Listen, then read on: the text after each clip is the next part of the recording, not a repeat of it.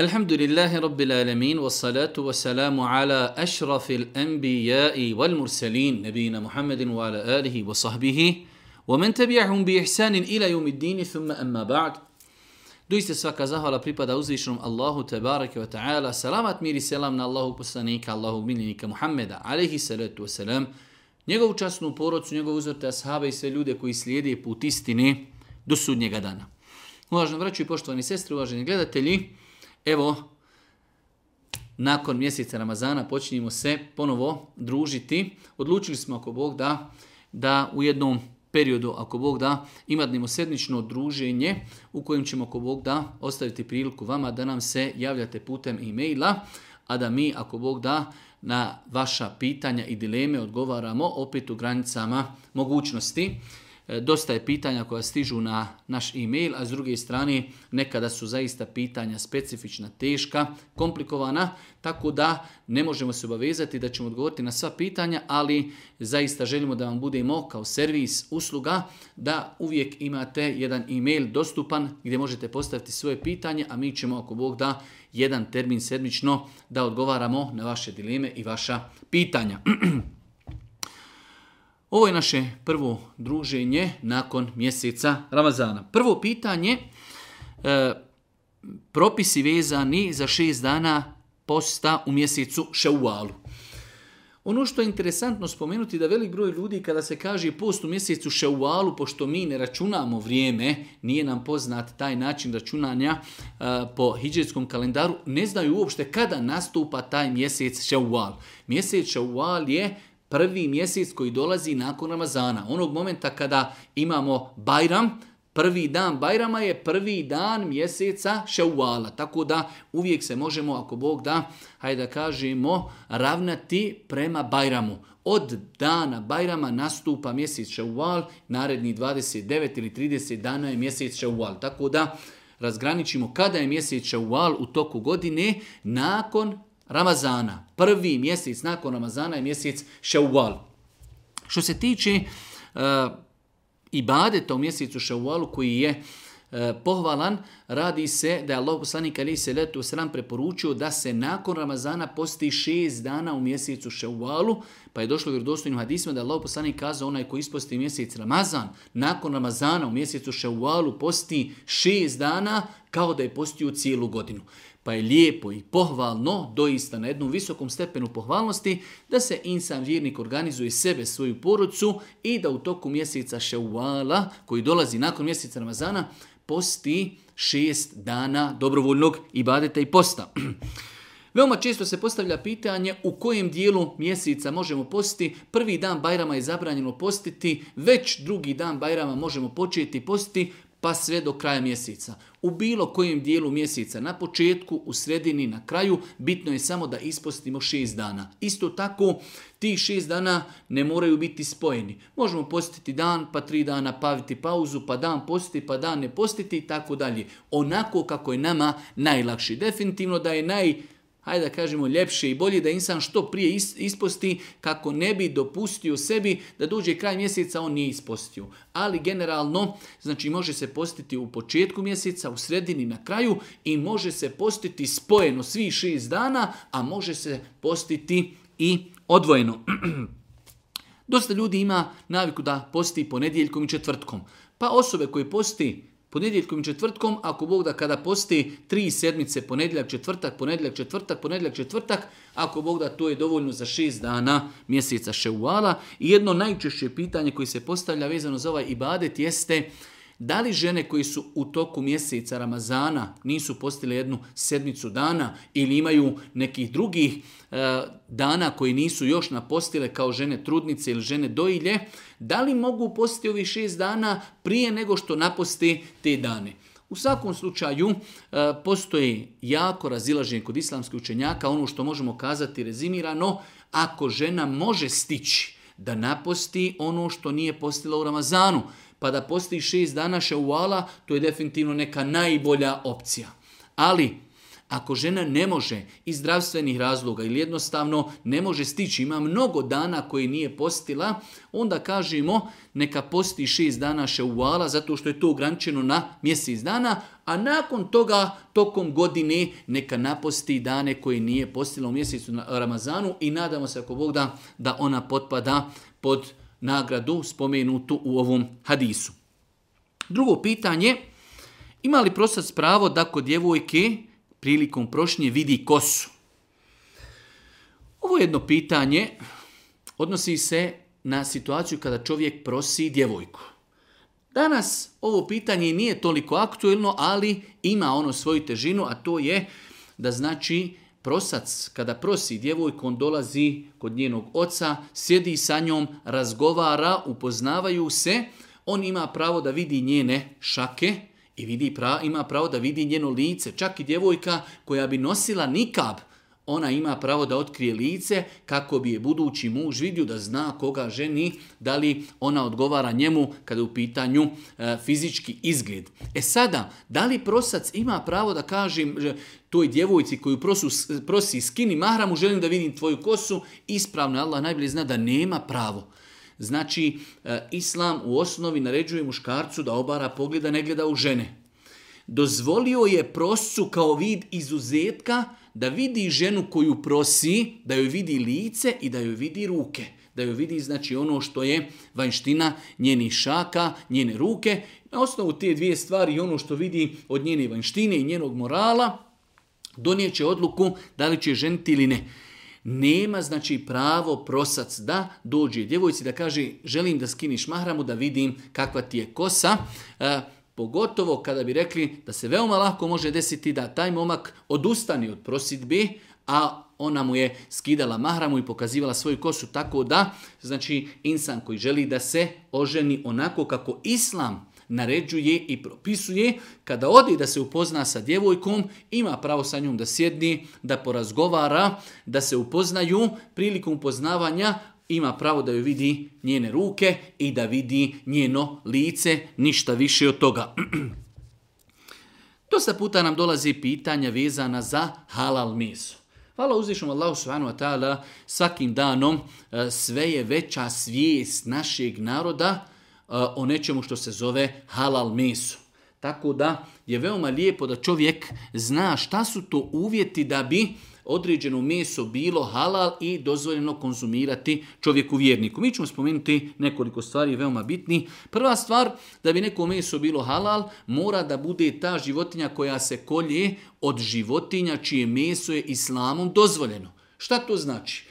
Svinja je u osnovi zabranjena muslimanima. Mi možemo svinju stotinu puta zaklati, ali ona uvijek ostaje haram.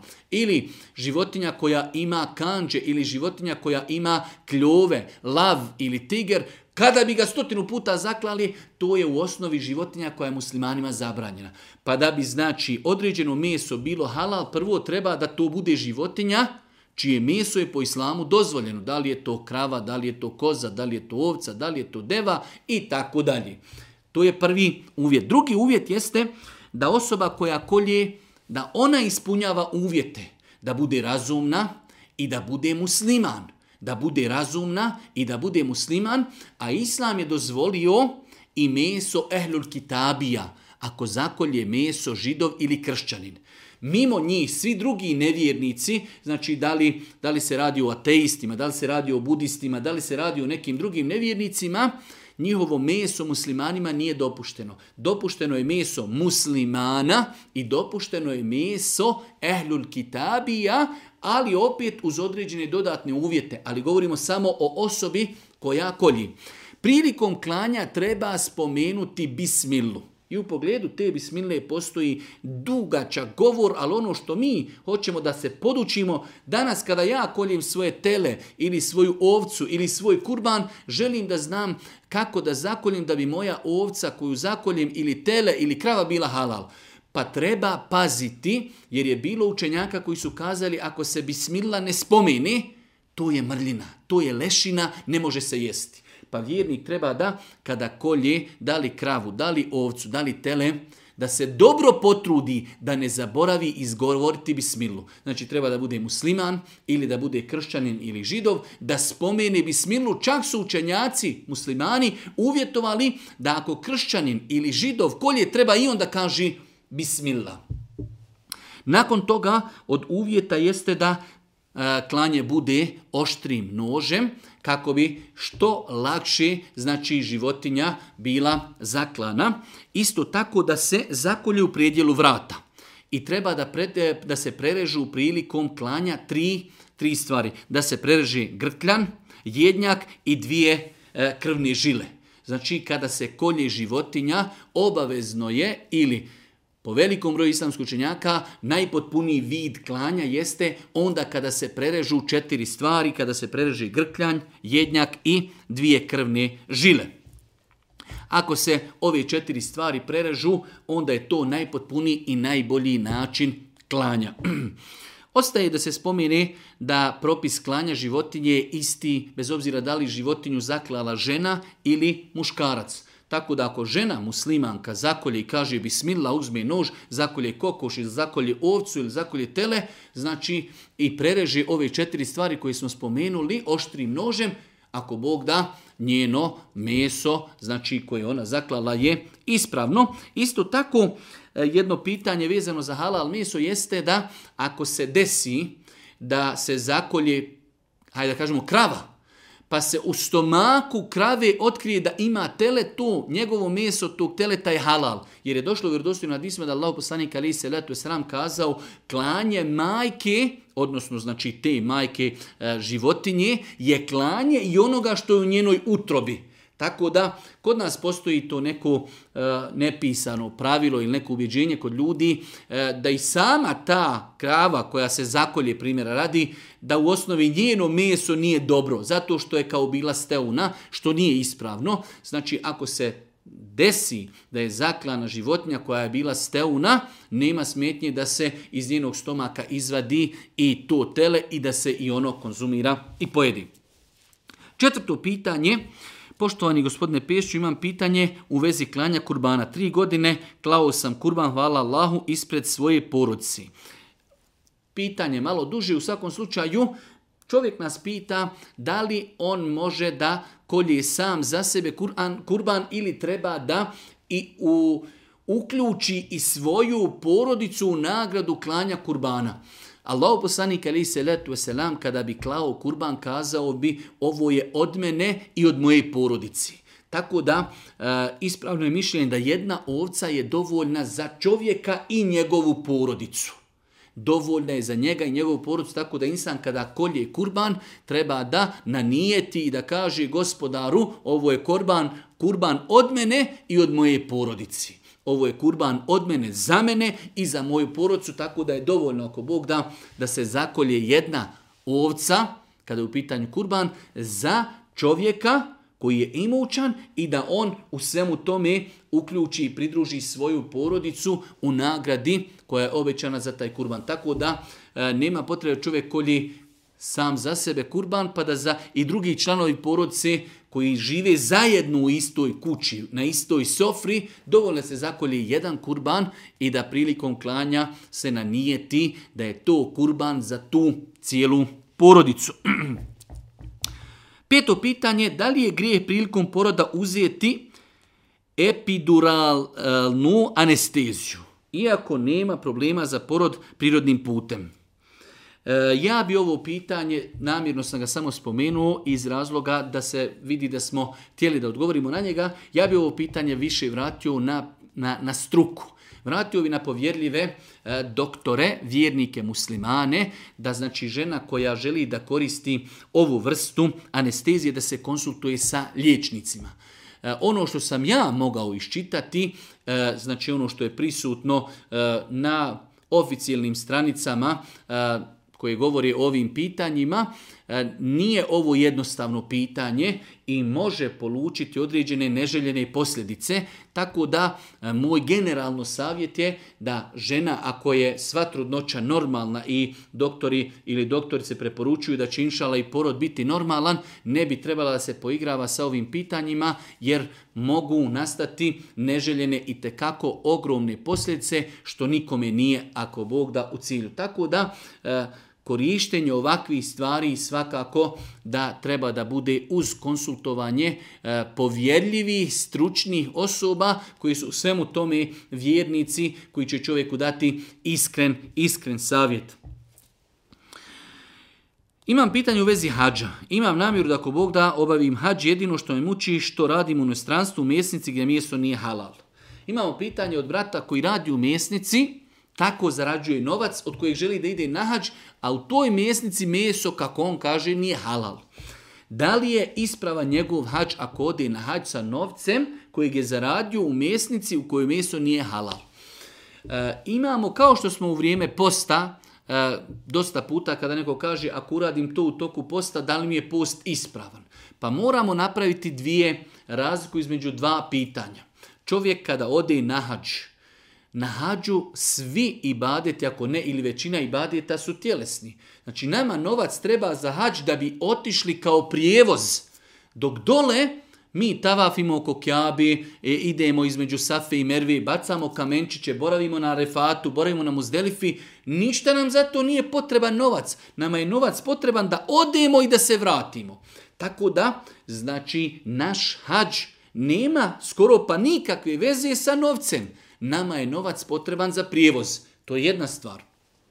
Insan kada bi otišao da obavi hađ sa novcem koji je stekao na neispravan način, on je obavio ono što od njega gospodar traži, a to je došao je na hađ i obavio je sve sa ruknovima, vađibima i sunnetima. Bio je na refatu, bio je na muzdelifi, bacio je kamenčiće, obrio je glavu, učinio je tavav.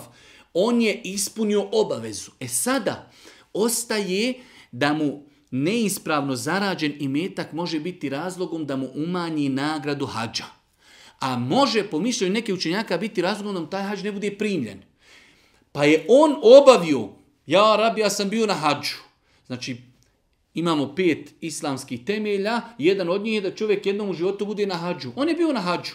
On je svoju obavezu ispunio ali da li je ta obaveza primljena, da li će dobiti za nju nagradu, to je nešto totalno drugo.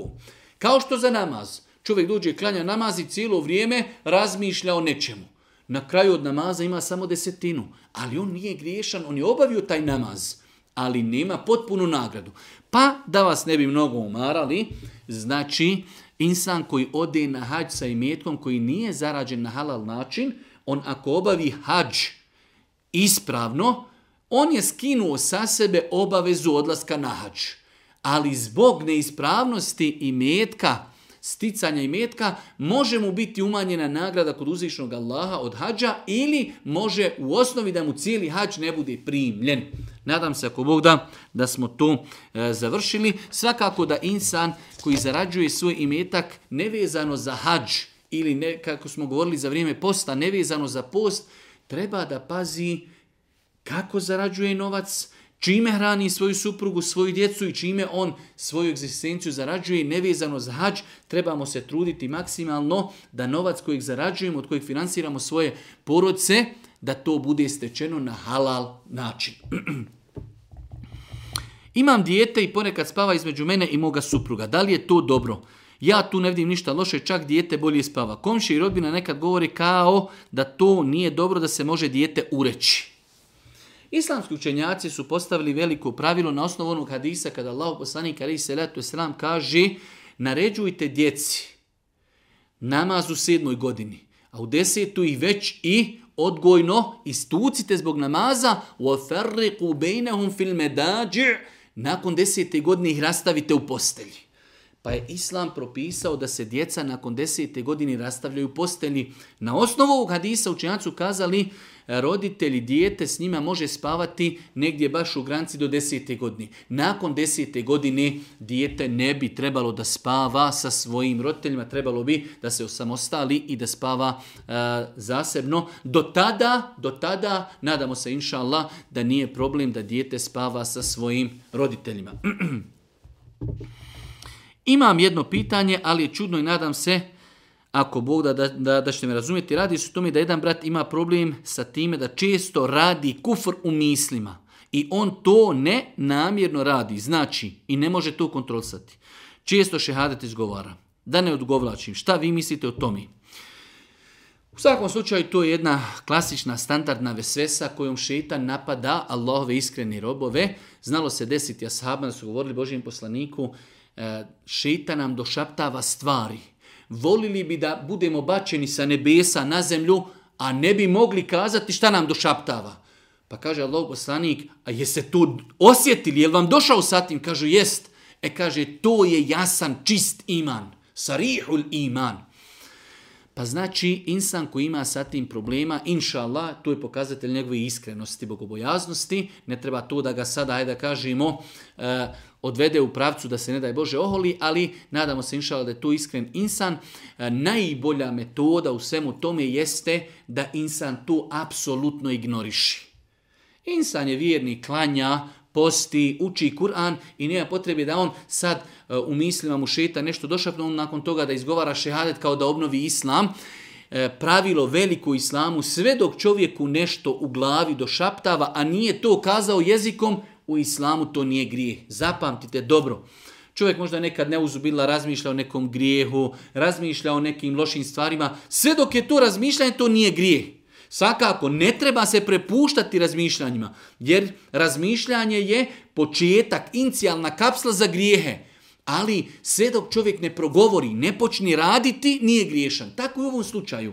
To šeitansko došaptavanje kufra i nevjerstva, to je samo došaptavanje. Čovjek treba da uči, euzu ne šeitan rađim, utječem se Allah od prokletog šetana, da se ne prepušta mislima, da ne sjedne i počne raditi. Ne, ne smije se prepustiti mislima. Dok mu počnu te misli doći, euzbilah im ne rađim, ode abdestiti, ode učiti Kur'an, ode trčati, ode nešto raditi, samo je bitno ignorisati i zaposliti se nečim korisnim. I uz Allahu pomoć to će vremenom, ako Bog da nestati, a insan ne treba da tome obraća mnogo pažnju. Znači to su vesvese, to su šetanska došaptavanja, nemaju nikak, čovjek nije zbog toga griješan, treba da se utječe Allahu te ta'ala od prokletog šetana i da se ne prepusti tome. Treba to apsolutno ignorisati, posvijetiti se društveno korisnim aktivnostima. U zadnje vrijeme sve više se susrećemo sa taktovima i izjavama na temu halal mesa. Naime, više nije pitanje samo načina klanja i da li je životinja zaklana propisan način, sada se sve više stavlja upitnik na sam život te životinje, da li je bila zatvorena i e, puštana pašnjake, da li su bile štale pretjesne i tako dalje. U svakom slučaju ova sestra, ne znam ili je sestra ili je brat, E, su poslali pitanje, ja to nisam zaista čuo, ali eto, kažu da je trend da sad, da bi meso bilo halal, treba istraživati da li je bilo na pašnjaku, nije, da li mu je bila tjesna štala ili nije i tako dalje. Pa čak ovdje na kraju kaže, u svim izjavama može se doći do zaključka da ako se ne proglasi takvo meso haram, onda se u najmanju ruku stavlja insan koji je kupio takvo meso pod pritisak da li ispravno postupio ili ne.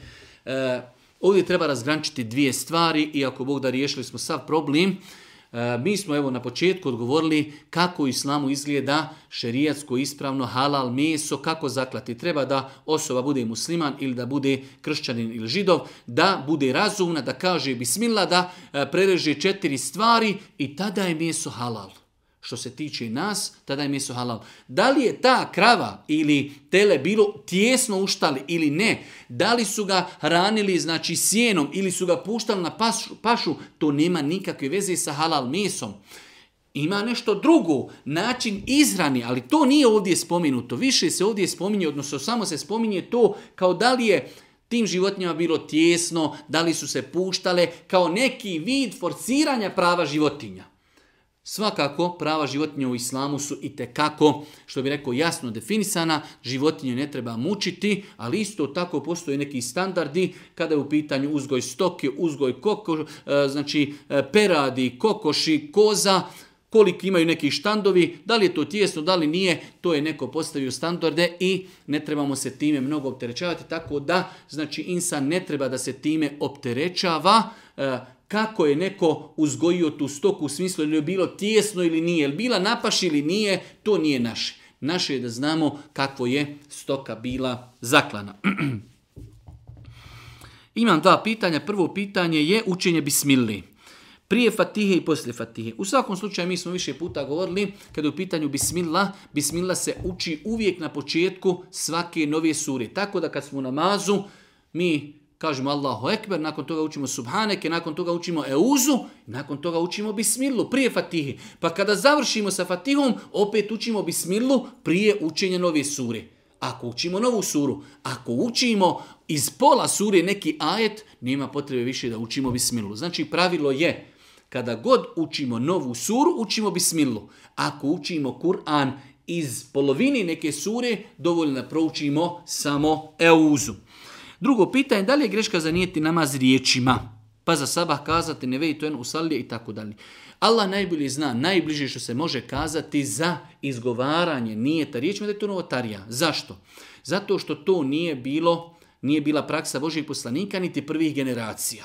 A oni su, prvo Božji poslanik, da je trebalo, on bi to rekao i on bi radio, druge strane, eh, to bi prakticirali muslimani prvih generacija. To s jedne strane. S druge strane, učenje tih na, namjera nije ta opterećenje. Zamislite sada čovjeka došao je da klanja i vi mu kažete, e, želiš da počneš klanjati, trebaš da naučiš nijet za saba, pa saba, sunneti pa farzi, pa podni, sunneti pa farzi, pa ikindija, sunneti pa farzi, pa akšam, sunneti pa farzi, pa jacija, sunneti pa farzi, pa sun sunneti, pa i e, pa vitr, pa bajram, pa dženaza, pa muška osoba, ženska osoba, odrasla osoba, di...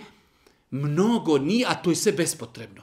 Dovoljno čovjek kaže, i kindija, šta hoću da klanjam? Sunnete. Allahu ekber. Došao sam na akšam, uči se i kamet. Šta hoću klanjati? Farze. Allahu ekber. Došao sam na jaciju, prije farza, klanjam tehijetul mešćid. Allahu ekber.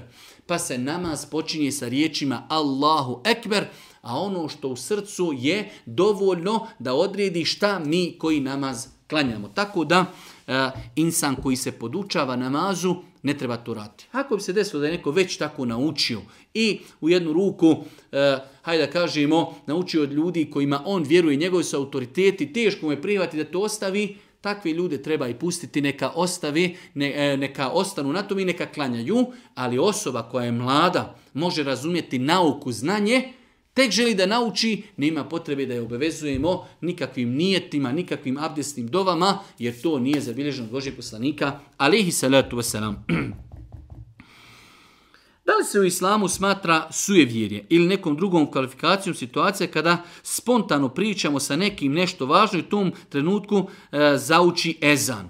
Malo još poslije toga brat pojasnio ovo pitanje. Znači, da li ima u islamu ikakva veza da čovjek nešto priča sa nekim, pa začu ezan, pa onda kažu, eto, vidiš da je istina ovo što sam rekao, ezan je počeo učiti. To u islamu nema nikakve veze. Da je sujevjerje, ne mislim da je sujevjerje, ali je neispravno povezivati naš govor. Možda čovjek izvali najveću laž koja postoji, zauči ezan, kaže, evo vidiš sam ti rekao da je ovo tačno. Pa je znači tačnost informacije kazana Tačnost informacije je vezana za ono što čovjek govori. To nema nikakve veze da li u tom momentu počeo učiti ezan ili nije počeo učiti ezan. Znači to su dvije apsolutno odvojene stvari i nema potrebe da se vezuju. Ne postoji nigdje dokazniti argument da ako mi nešto pričamo pa zauči ezan da, da je to tačna informacija. Možete li objasniti postavljanje nišana na kaboru umrlog? Koje veličine išan treba da bude e, i može li se pisati ime i prezime i godina rođenja i smrti.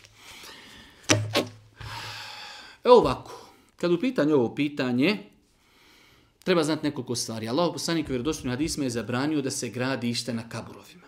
Tako da bilo kakva gradnja na kaburu je zabranjena u islamu. To je prva stvar koju moramo odmah kao jedan veliki temelj. Bilo kakvo građenje na kaburovima je zabranjeno. Ostaje vjerodostojan hadis da je Allah poslanik ali se letu selam kada je ukopao ashaba osmana ibn Mav'una, jednom čovjeku je rekao da ide donijeti jedan veliki kamen da stavi da obilježi kabur, pa čovjek nije mogao ponijeti sam, pa je ošao Boži poslanik sa njim i donijeli su, stavili su kamen kod njegove glave, pa je rekao Boži poslanik da obilježim njegov kabur. Pa na osnovu toga islamski učinjaci ukazali da nema smetnje da insan obilježi kabur. Ali, mi danas kada vidimo stanje na našim e, mezarovima, mezarlucima ili mezaristanima, vidimo da ljudi su i kako otišli daleko od onoga na čemu je bio Boži poslanik, ali i seletu vaselam, bespotrebno se zida. Postavljaju se veliki mermerni e, nišani, dva nišana, uklesano, e, ispisano i tako dalje. Bolje je da se te pare dadu na ime mijita i to ćemo sigurno koristiti.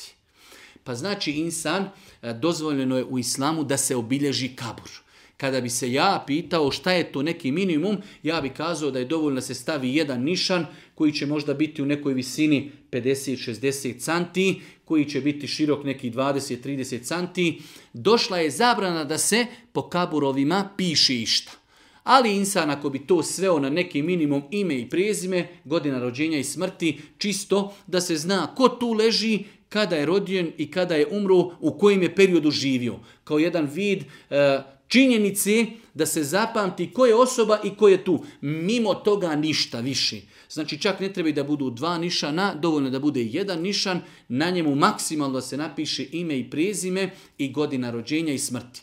To je neki, hajde da kažemo, maksimum, iako velik broj učenjaka je zabranio na osnovu vjerodostojnih hadisa Božih poslanika da se išta piše po kaburovima, ali ti hadise inšala mogu razumjeti da se ništa ne piše bespotrebno. Da se ne piše ko podiže nišane, ljudi stavljaju ajete, hadise, citate i svašta, ništa. Znači, kabur se može, ako Bog da obilježiti, dovoljno to bude jedan nišan, i da se znači bez ikakvih velikih mermira, bez ikakvih gradnji, bez ikakvih nekih izvedbi, da to bude klasičan, standardan, znači četverov ugao e, i da se napiše ime i prezime i godina, znači to je neki maksimum kako i na koji način obilježiti kabur.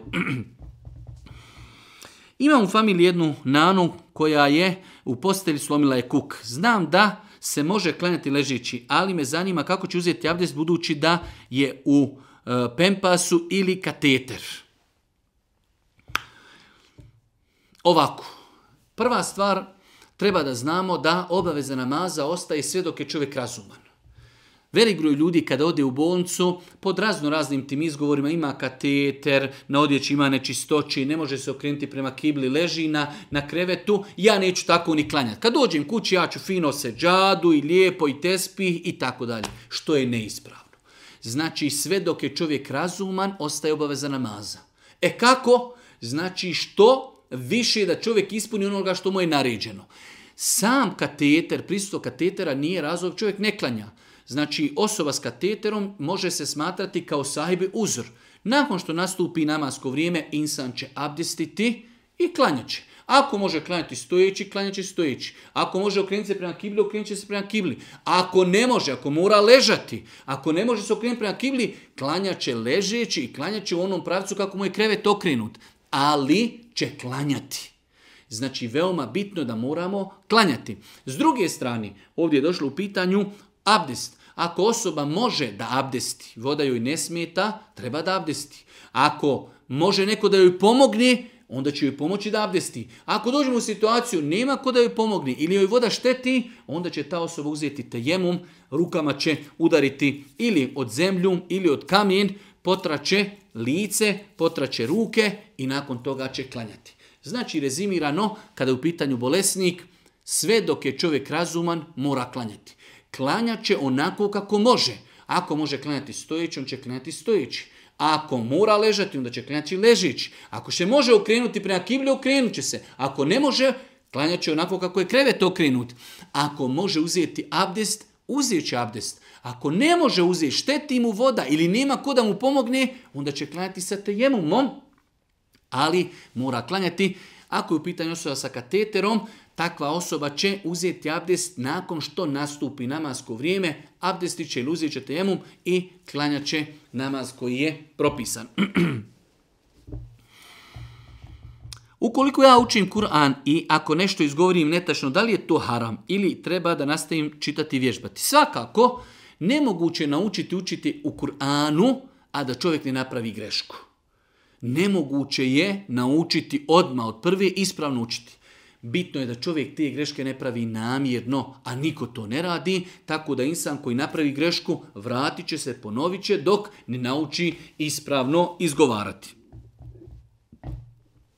Esselamu alaikum, da li se sura El-Fatiha namazu uči u sebi? Tako što ćemo samo pomjerati usta jezik bez ispuštanja bilo kakvog glasa ili to podrazumijeva tiho učenje sura.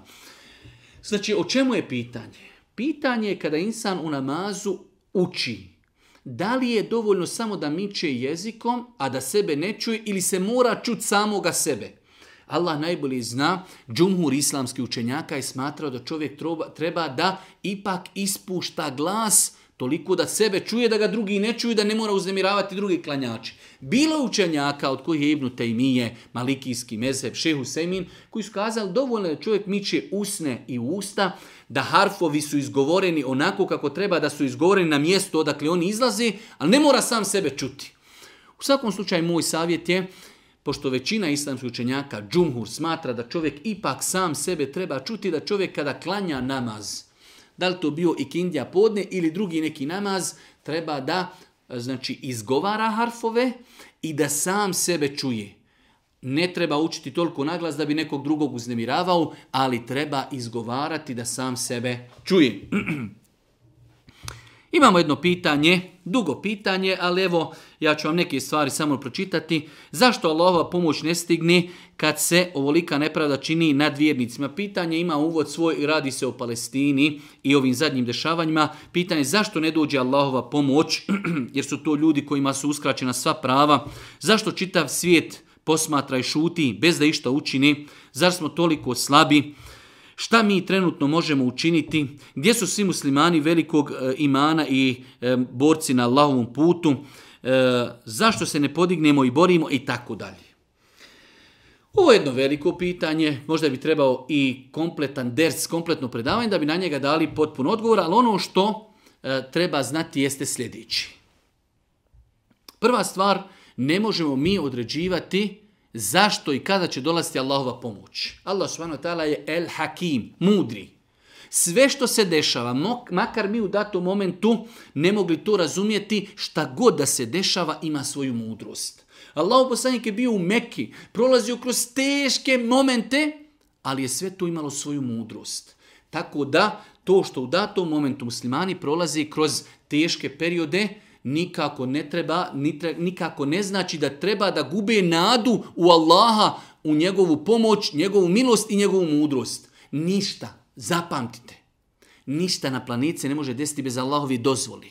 I sve ima svoju mudrost. To je jedna stvar. Druga stvar, naše je da se jasno deklarišemo, da stanemo na stranu onih kojima se čini zulum i nepravda da podignemo svoj glas i da se usprotivimo tomi. S druge strane, da maksimalno uradimo ono što možemo u datom momentu. Mi znamo svi kakva je situacija u svijetu. Države, pasoši, putovanja, hodanja, kretanja. Znači, insan radi ono što može. U ovom momentu je to dova, u ovom momentu je podizanje glasa, stajanje na stranu istine, stajanje na stranu onih kojima se čini zulum ukazivanje na nepravdu koja se čini muslimanima, pomaganje na bilo koji mogući dopušten način. To je jedna stvar. Isto tako, što su muslimani bliži nekome kom se čini nepravda, sve je njima obaveza veća. A što su ljudi dalje odaljeni, njihova obaveza je pomoći tima manja, ali obaveza ostaje. Ali veća je obaveza onima koji su najbliži ljudima, u ovom slučaju konkretno Palestini, ali da se desi negdje drugo problem, oni koji su najbliži, njima je najveća obaveza da ih pomognu, pa onda što se krug više širi, tako je obaveza manja. I ostaje na kraju, braćo moja draga i cijeni sestre, činjenica, e, umet je u zadnjih možda stotinu godina, ako ne i više, padao, odaljavao se od uzvišnog Allaha subhanahu wa ta'ala mora umet sada proći kroz jednu tranzitnu situaciju, to je Allahov sunnet na zemlji, nemoguće je da se stvari preko noći vrati i da se ljudi e, vezuju za Allah te barakve ta'ala.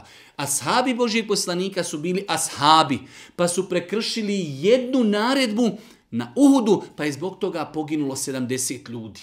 Pa je to Allahov sunnet na zemlji. Mi danas nam teško pada što naša vraća muslimani E, prolaze kroz teške momente u Palestini. Svakako, to nam je obaveza. Ali ko će ići da pomogne tu Palestinu? Ljudi koji ne klanjaju, ljudi koji psuju Allaha, ljudi koji ne mogu ustati na saba, ljudi koji ne mogu ostaviti kladionce, ljudi koji... Moramo mi početi od sebe. Moramo mi početi od sebe.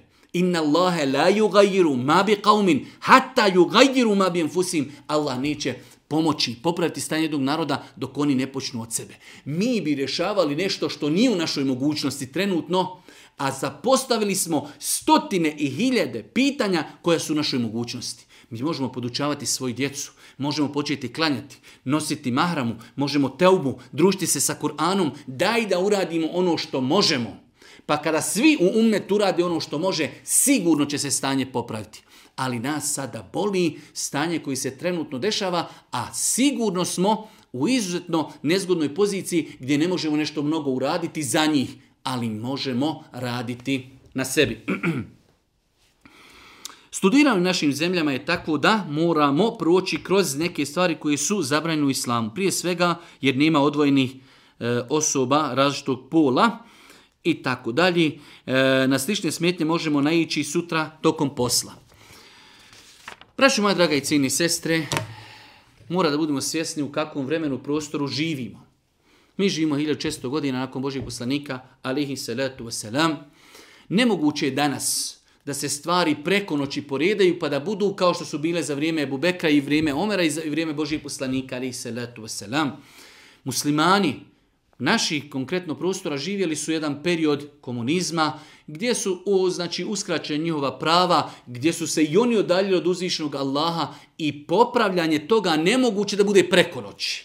Pa mora biti ta nekada i nazovemo tranzitna situacija, tranzitno vrijeme gdje insani koji želi da nešto popravi bit će sigurno prinuđeni da nešto uradi što je islamom zabranjeno jer je nemoguće se stvari popravi preko noći da dođu da sve bude dopušteno.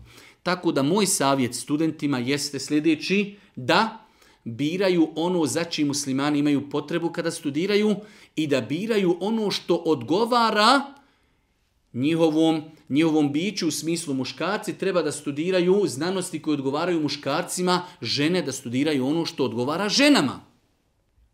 Jer u protivnom čovjek radi nešto što mu u osnovi nije dopušteno. Pa žene trebaju da studiraju nauke koje njima odgovaraju, da li je to medicina, da li je to naobrazba i tako dalje. Nakon toga, kada dođu u situaciju da moraju raditi nešto što je sporno, da traži svoja prava, da podižu svoj glas, da se trude i ako moraju nešto raditi da to bude u nekom minimumu. Nakon toga nadamo se ako Bog da da nisu griješni kod uzvišnog Allaha subhanahu preziru ono što radi ako je nešto sporno, podižu svoj glas, traži svoja prava, ljudska prava, prava vjeri da ne radi nešto što je sporno. Ali ako je nešto sporno i ne mogu dobiti diplomu, niti mogu nastaviti dalje osim da to uradi, onda će to svesti na minimum prezirući svojim srcem ono što radi. Ovo su neke generalne smjernice, a opet svaki pojedinac kada dođe u situaciju da mora nešto raditi što je sporno, treba da se konsultuje sa nekom učenom, školovanom osobom da mu da smjernice kuda i kako. Znači nemoguće je da čovjek preko noći promijeni da cijeli sistem čovjek studira i radi i da ne pravi nikakve prekršaje. To je nemoguće. Mora biti neka generacija koja će lagano popravljati. U tom popravljanju će morati urati nešto što je sporno po islamu. Ali treba da to preziri, treba da traži svoja prava i treba da to svodi na minimum al daruratu kaderu bi kaderiha, darura se svodi na nje neki minimum.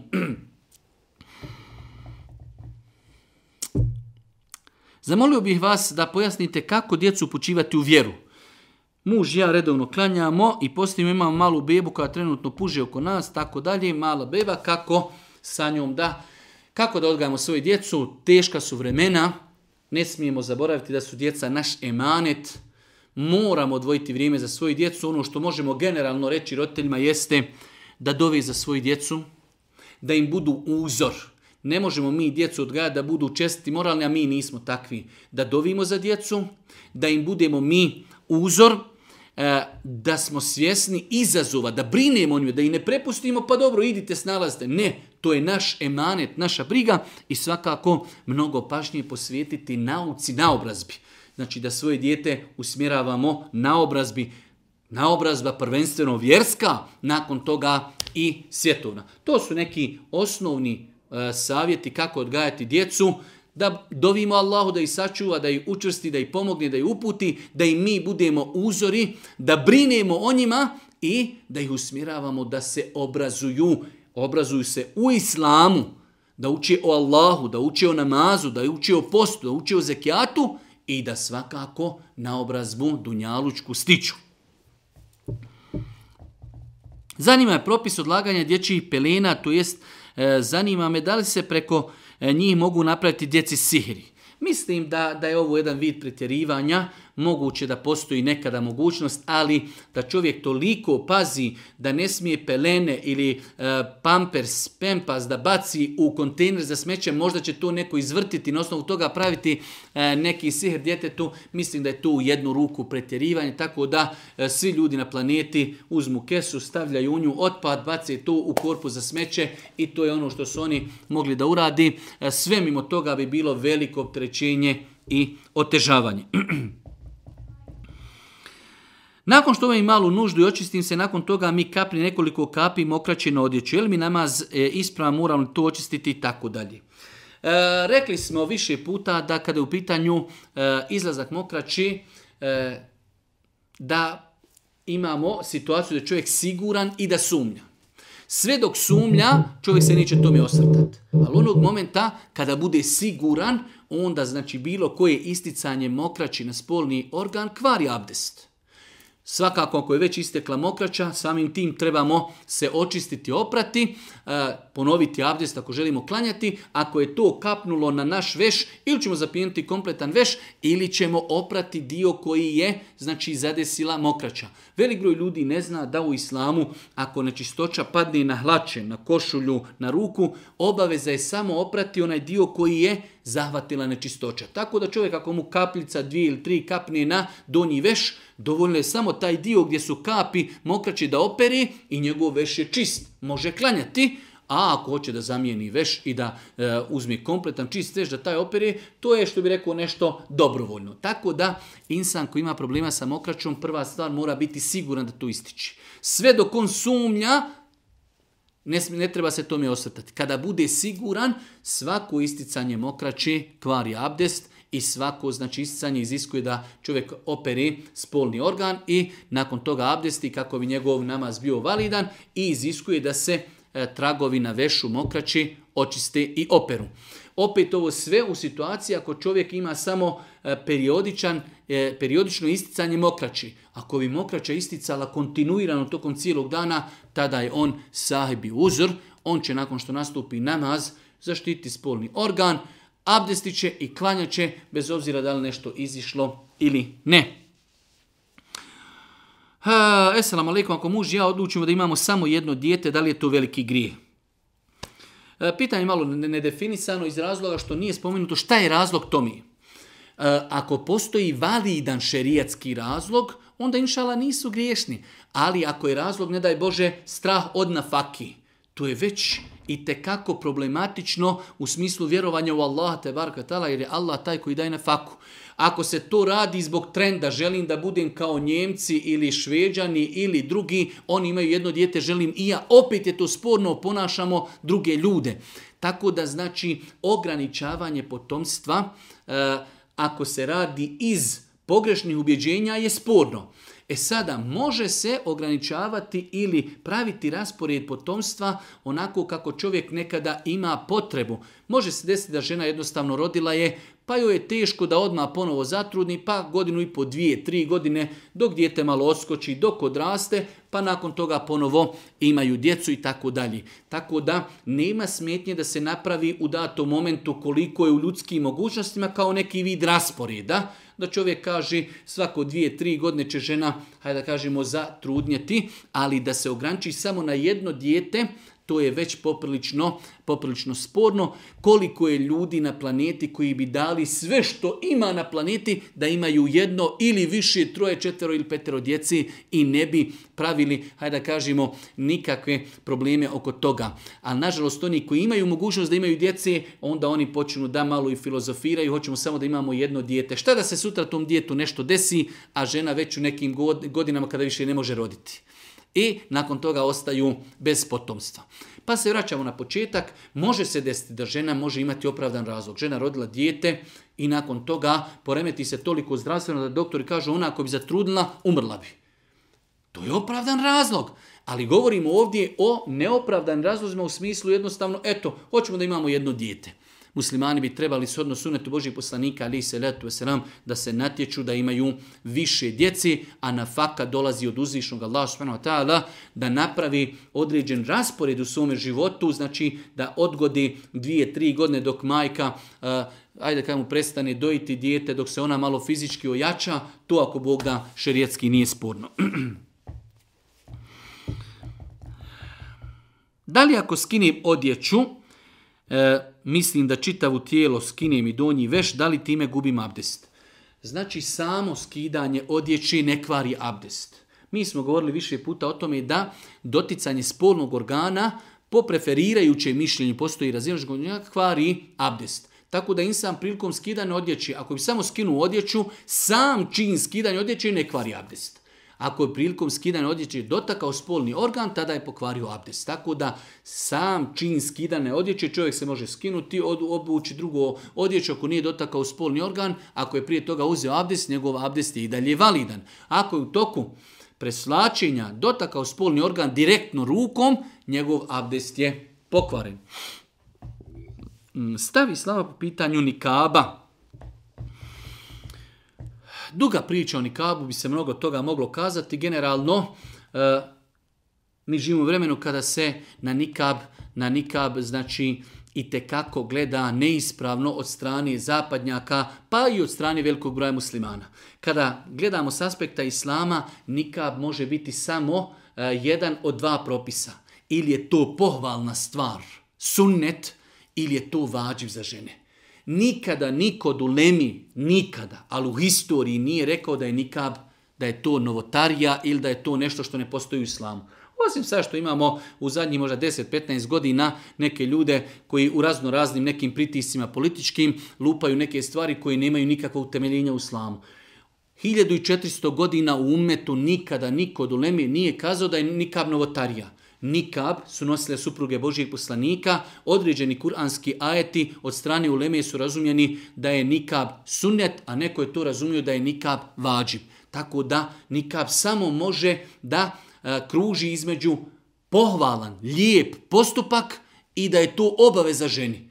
Nema treći, tako da žene koje nose nikab, one su znači e, ili su nagrađene praktikuju sunet Božijeg poslanika, odnosno sunet supruga Božijeg poslanika, ali se letu selam, učinile su dobrovoljno djelo ili su ispunile vađib.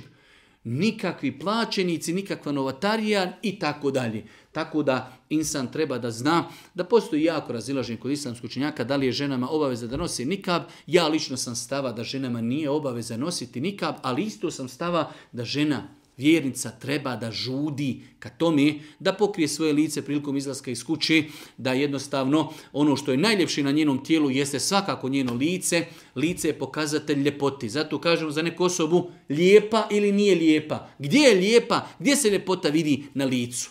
Tako da e, žena vjernica bi trebala da mašta, da žudi, da dođe u situaciju da ona može da praktikuje sunnet kojeg su praktikovale e, supruge Božje poslanika, ali se ratu selam, bio je dio učenjaka koji su smatrali da u osnovi ženama obaveze da nosi nikav, a bilo opet učenjaka koji su smatrali da kada dođu vremena smutnje, grijeha, kada se ljudi više ne boje Boga, ne obaraju pogled, da tada ženama koji su lijepe je obaveze da nosi nikab, kako jednostavno griješnici i nemoralne osobe ne bi gledale u njih. U svakom slučaju, pitanje nikaba ne treba da bude i razlogom razdora među muslimanima. Nažalost, mi imamo žene muslimanke, pa nekad i žene koji su pokrivene, koje preziru žene koje nose nikab, samo zbog nikaba kao to je nešto nepotrebno, to je nešto doneseno, to je neka novotarija i tako dalje. Nikab je propis islama. Ne smije se mrziti nikab kao pojava. To je propis vjeri. Žena koja smatra da nikab nije obaveza i ne nosi ga, to je njena stvar, ali mrziti nekoga i prezirati zbog nošenja nikaba je opasna stvar jer se time mrzi i preziri propis islama, propis dina. Samim tim isto tako neispravno je očekivati od žena koji nosi nikav da su nepogrešive. Žena koja nosi nikav ispunila je jedan propis vjeri, može ona nekada i pogriješiti, možda možda ne daj Bože i slagati, može i prevariti, može možda i ukrasti, ali ona ispunila nešto u vjeri, a to je nošenje nikaba. Možete li nam kazati šta čovjek za života može urati za svoga mejita. Generalno je pravilo da Mejit kada preseli, njegova dobra djela staju. Dok si bio tu, živio, radio, meleki su zapisivali tvoja dobra djela. Ali postoje, hvala uzvišnom Allahu subhanahu wa ta'ala, određeni izuzeci, tako da čovjek i nakon smrti može da se njegova dobra djela povećavaju. Pa primjer radi, ako je čovjek za života ostavio trajnu sadaku, Napravio je česmu, napravio je džamiju. Ljudi sve dok budu uklanjeni u toj džamiji, on će imati se vapa. Ili je napisao knjigu, pa ljudi sve dok budu čitali, koristili se tim znanjem, njemu će dolaziti se vapi. Tako da postoje određena dobra djela koja se mogu, hajde da kažemo, činiti nakon smrti Mejita, a da on zato ima nagradu. Pa je jedno od tih djela dova, dijete može da dovi Allahu da mu oprosti grijehe njegovim roditeljima, da ih e, sačuva od kaburskog zaba i tako dalje. Dova, sadaka, mi možemo za svoga života udjeliti sadaku na ime svoga oca, na ime naše majke i to je potvrđeno hadisima Božih poslanika. Može se obaviti hađ i umra.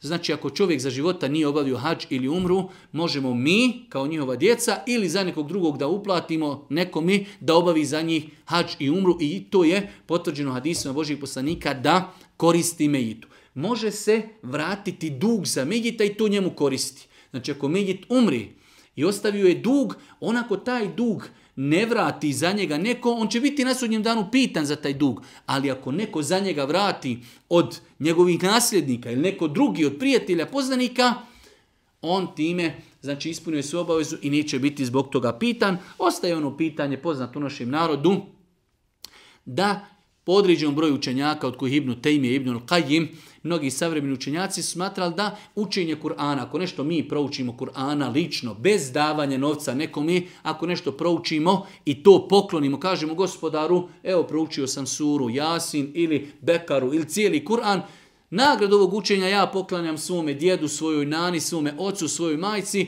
Nadamo se da će tu, ako Bog da do njih doći, e, po mišljenju velikog broja učenjaka, to je ispravno i validno djelo. I zadnje pitanje, E, možete li dati nekoliko savjeta sestrama koji se kolebaju u pogledu nošenja hijjaba? Možemo li dati nekoliko savjeta sestrama koji se kolebaju u pogledu hijjaba? E, naš savjet je uvijek da naše sestre znaju da ono što im je naredio uzvišeni Allah bar vetala, to je apsolut nešto što njima koristi na dunjaluku. Pa je nošenje hijjaba nešto što čuva ženu, čini je dodatno poštovanom u jednom društvu, bez obzira, ali mi to svi vidimo na čarši kada naiđe žena koja je lijepo pokrivena, kako ljudi respektuju, poštuju, uvažavaju takvu ženu. Pa je hijab, znači nešto što čini ženu poštovanom na ulici. Prije toga, bila poštovana ili ne, ona je ispunila ono što je naredio njen gospodar. A njen gospodar je savršen, zna šta i kako treba da žena nosi kada izlazi iz kući.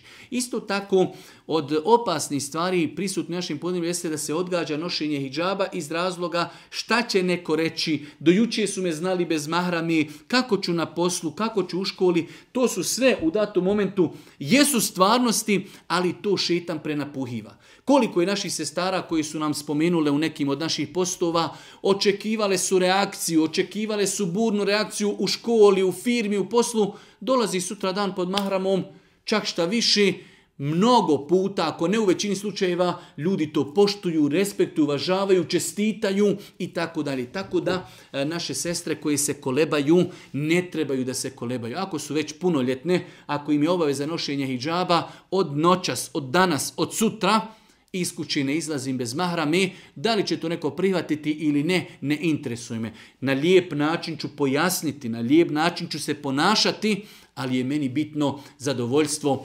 uzvišenog Allaha subhanahu wa ta'ala. Molim uzvišenog Allaha subhanahu wa ta'ala da ono što smo čuli bude korisno za nas, Molim ga subhanahu ta'ala da nam bude milostiv na sudnjem danu.